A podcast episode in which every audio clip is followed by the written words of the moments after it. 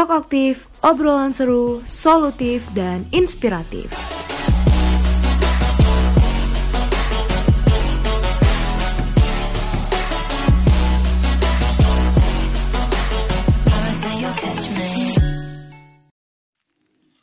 Welcome back to Talk Active X Eco Talks. Assalamualaikum warahmatullahi wabarakatuh. Selamat pagi, selamat siang, selamat sore, dan selamat malam, sobat penjaga lingkungan. Nah, gimana nih kabarnya teman-teman? Kayaknya udah sekitar 4 bulanan deh kita nggak ketemu. Dari mulai PSBB, self quarantine, sampai new normal kayak sekarang. Nah, teman-teman selama di rumah aja udah pada ngapain aja nih? Ada yang udah coba main layangan? Atau coba sepedaan keliling kota? Ketahuan deh pada ngikutin tren. Kalau aku sih udah nyoba yang sepedaan ya, ya walaupun masih keliling komplek aja. Karena ya seperti yang kita tahu, kondisi lingkungan kita sedang tidak baik-baik aja. Nah ngomong soal lingkungan nih, Kayaknya ada topik menarik soal lingkungan juga yang bakal kita bahas di Ecotalks kali ini. Mungkin teman-teman udah pada lihat ya di postingan atau di judul Spotify kita, yaitu Ocean Acidification atau pengasaman laut. Nah, teman-teman udah pada tahu belum nih soal Ocean Acidification? Oke, kayaknya masih banyak yang belum tahu ya, kayak aku. Nah, daripada aku yang jelasin ya, makin gak jelas sih kayaknya. Jadi aku bakal ajak teman-teman aku yaitu ada Alvin Faisal dan juga Niki Putri dari Somalia BEM FEB UB. Selamat datang. Halo semuanya. Halo. Nah, teman-teman gimana nih kabarnya? Baik, baik, baik. Baik, Om Bro. Niki gimana kabarnya? Alhamdulillah sehat, Flo. Alhamdulillah. Nah, kalau kabar kegiatan nih selama di rumah aja, teman-teman udah pada ngapain aja sih? Mungkin dari Faisal? Kalau eh, aku sendiri sih selama self quarantine ya, eh, lagi sibuk-sibuknya nanam nih, Bro. Widih, nanem loh. Nanem apa sih, Pak? Eh, jadi eh, di samping rumah tuh kan ada lahan kosong ya. Nah, di situ eh, aku tanemin sayur. Terus habis nanem dimakan sendiri gitu. Ya, dimakan sendiri sama kalau ada sisa sih dibagiin ke tetangga. Wih, keren Pak. Berarti selain sehat, dapat pahala juga gitu ya. Nah, kalau Niki gimana? Gak beda jauh sama Faisal. Itu menanam sayur di lahan kosong depan rumah. Nanam sayur juga ya? Sayur apa aja tuh nih? Eh, mulai dari tomat sama cabai. Banget ya nanamnya tuh sayuran-sayuran yang lagi naik gitu ya, lagi melejit harganya ya. Nah, Sabi nih, mungkin buat teman-teman yang merasa kurang produktif selama self quarantine bisa contoh nih nanam-nanam sayur di belakang rumah atau di tanah-tanah kosong kayak Faisal sama Niki. Makasih ya udah dapet insight baru nih. Nah, ngomong-ngomong soal lingkungan, topik kita kali ini kan ocean acidification. Tapi bahas itu, aku pengen tanya dulu nih sama Niki sama Faisal. Sebenarnya kondisi laut kita itu sekarang seperti apa sih? Mungkin teman-teman ada yang udah pernah baca. Eh, mengenai kondisi laut tuh sebuah laporan baru para ilmuwan tuh memperingatkan bahwa kehidupan laut beresiko tinggi memasuki fase punah untuk spesies-spesies laut yang tidak pernah terjadi dalam sejarah. Dan perubahan yang signifikan tersebut ditandai dengan meningkatnya ancaman terhadap spesies laut seperti terumbu karang. Nah, kalau tentang topik kita kali ini, ocean acidification sebenarnya berdampak baik atau buruk sih buat laut kita? Nah, mungkin dari teman-teman ada yang bisa jelasin karena jujur aku sendiri tuh kayak masih tahu-tahu kulit kacang aja gitu. Mungkin dari Faisal? Nah, eh, mungkin juga banyak teman-teman yang masih belum tahu ya apa itu yang dinamakan eh, pengasaman air laut. Nah, jadi pengasaman air laut itu ketika emisi karbon dioksida atau biasa yang dinamakan CO2 yang diproduksi oleh manusia itu terbentuk di atmosfer. Nah, kelebihan CO2 ini akan larut ke dalam lautan dan bereaksi dengan air laut untuk membentuk asam karbonat. sehingga menurunkan tingkat pH lautan atau yang disebut dengan pengasaman dan akan mengancam sejumlah ekosistem laut seperti itu Flo. Nah, baru paham nih. Berarti bisa dibilang ocean acidification ini tuh karena kelebihan karbon dioksida di lautan ya. Kalau penyebab-penyebabnya itu biasanya karena apa tuh? Soalnya aku tuh kayak pernah baca sekilas aja sih di website-website gitu, terus katanya tuh karena pembakaran. Nah, mungkin dari teman-teman ada yang bisa memperjelas nih.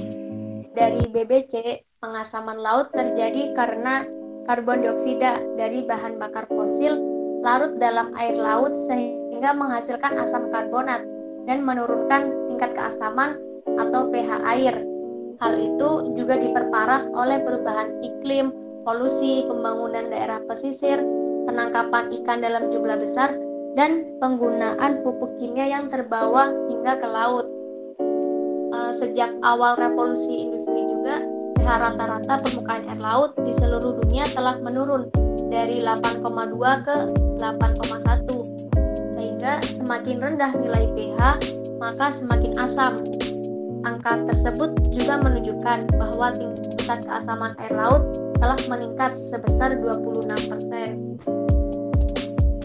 Hmm, oke. Okay. Berarti selain dari karbon dioksida yang tadi, keadaan laut itu makin diperparah karena perubahan iklim, polusi, kimia, dan lain-lain ya. Berarti kondisi pengasaman air laut itu bisa semakin parah karena faktor-faktor tersebut juga. Nah, kalau tadi kita mungkin udah tahu ya soal penyebab pengasaman air laut. Nah, aku juga pengen tahu sih, sebenarnya akibat atau dampak apa sih yang bisa disebabkan oleh pengasaman air laut ini, terutama untuk biota laut di dalamnya.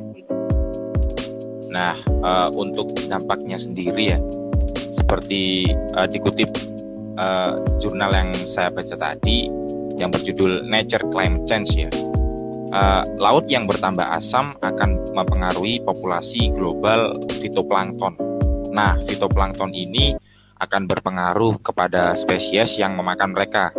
Mungkin seperti contohnya seperti ikan paus. Nah, keseimbangan populasi fitoplankton akan menyebabkan rantai makanan global secara keseluruhan menjadi berbeda. Selain itu juga, pengasaman air laut ini disebabkan oleh pemanasan global yang berdampak pada terhambatnya pertumbuhan terumbu karang. Jika pengasaman air laut terus meningkat, maka terumbu karang dan segala sesuatu yang bergantung pada mereka, termasuk satwa-satwa uh, yang hidup di dalam terumbu karang ini akan uh, tidak bisa bertahan lama atau bisa disebut uh, apa ya punah lah flu seperti itu. Um, berarti setelah kita tahu nih dampak-dampak dari ocean acidification yang memang sudah memberikan dampak yang serius untuk kehidupan laut maupun biota laut di dalamnya. Nah, sebenarnya aku ada satu pertanyaan kepo, mungkin dari teman-teman dari Faisal atau Niki bisa menjawab. Uh, sebenarnya aku penasaran nih, kan ada isu lingkungan yang juga lagi happening banget uh, dan juga yang lagi dihadapi dengan serius nih, yaitu COVID-19. Sebenarnya ada nggak sih korelasi antara isu lingkungan COVID-19 dengan ocean acidification ini? Uh, jelas ada dong kalau hubungannya dengan pandemi COVID-19 Bicarakan sekarang terhentinya sebagian besar aktivitas manusia selama pandemik itu ternyata membawa dampak positif bagi lautan. Dan menurut riset yang dipublikasikan pada Nature Climate Change, emisi harian gas-gas rumah kaca seperti karbon dioksida di atmosfer menurun sebanyak 17% secara global sampai pada awal April 2020. Dengan menurunnya emisi gas rumah kaca tersebut, laut memiliki waktu lebih lama untuk memproses siklus alaminya, sehingga resiko akan terjadinya pengasaman laut juga berkurang. Gitu, Flo. Nah, sekarang makin paham deh soal ocean acidification. Oke, okay, setelah tadi kita bahas penyebab, akibat yang emang udah berdampak serius untuk kehidupan laut dan biota laut di dalamnya, Mungkin dari teman-teman Somalia boleh kali share tips atau solusi andalan nih, gimana sih cara untuk meminimalisir ocean acidification atau pengasaman laut ini? Oke, mungkin untuk solusinya ya. Ini aduk, uh, ini aku ada beberapa solusi buat uh, meminimalisir terjadinya pengasaman air laut. uh, untuk yang pertama ya, kita harus menciptakan kesadaran. Kenapa? Karena kebanyakan orang uh, belum pernah mendengar tentang pengasaman air laut kan. Jadi mungkin dari podcast ini uh, kita bisa menumbuhkan kesadaran orang-orang uh, di luar sana tentang bahayanya pengasaman air laut. Itu solusi pertama. Untuk solusi kedua kita bisa memantau pH laut, pH atau keasaman air laut. Nah, pemantauan, pemantauan pH merupakan faktor yang penting dalam rehabilitasi dan konservasi laut, serta juga perikanan. Hal ini dapat membuat perbedaan antara keberhasilan dan kegagalan suatu proyek, seperti itu, Flo. Terus untuk solusi selanjutnya, itu ada perluasan aquakultur laut aquakultur laut memproduksi lebih dari 38,6 metrik ton makanan laut dengan nilai ekonomi mencapai eh, 67,4 miliar dolar setiap tahunnya.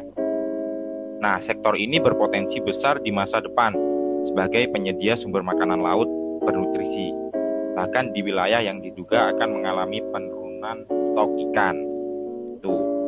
Nah, untuk uh, solusi yang terakhir ini ada diversifikasi dan perlindungan ekonomi berbasis terumbu karang.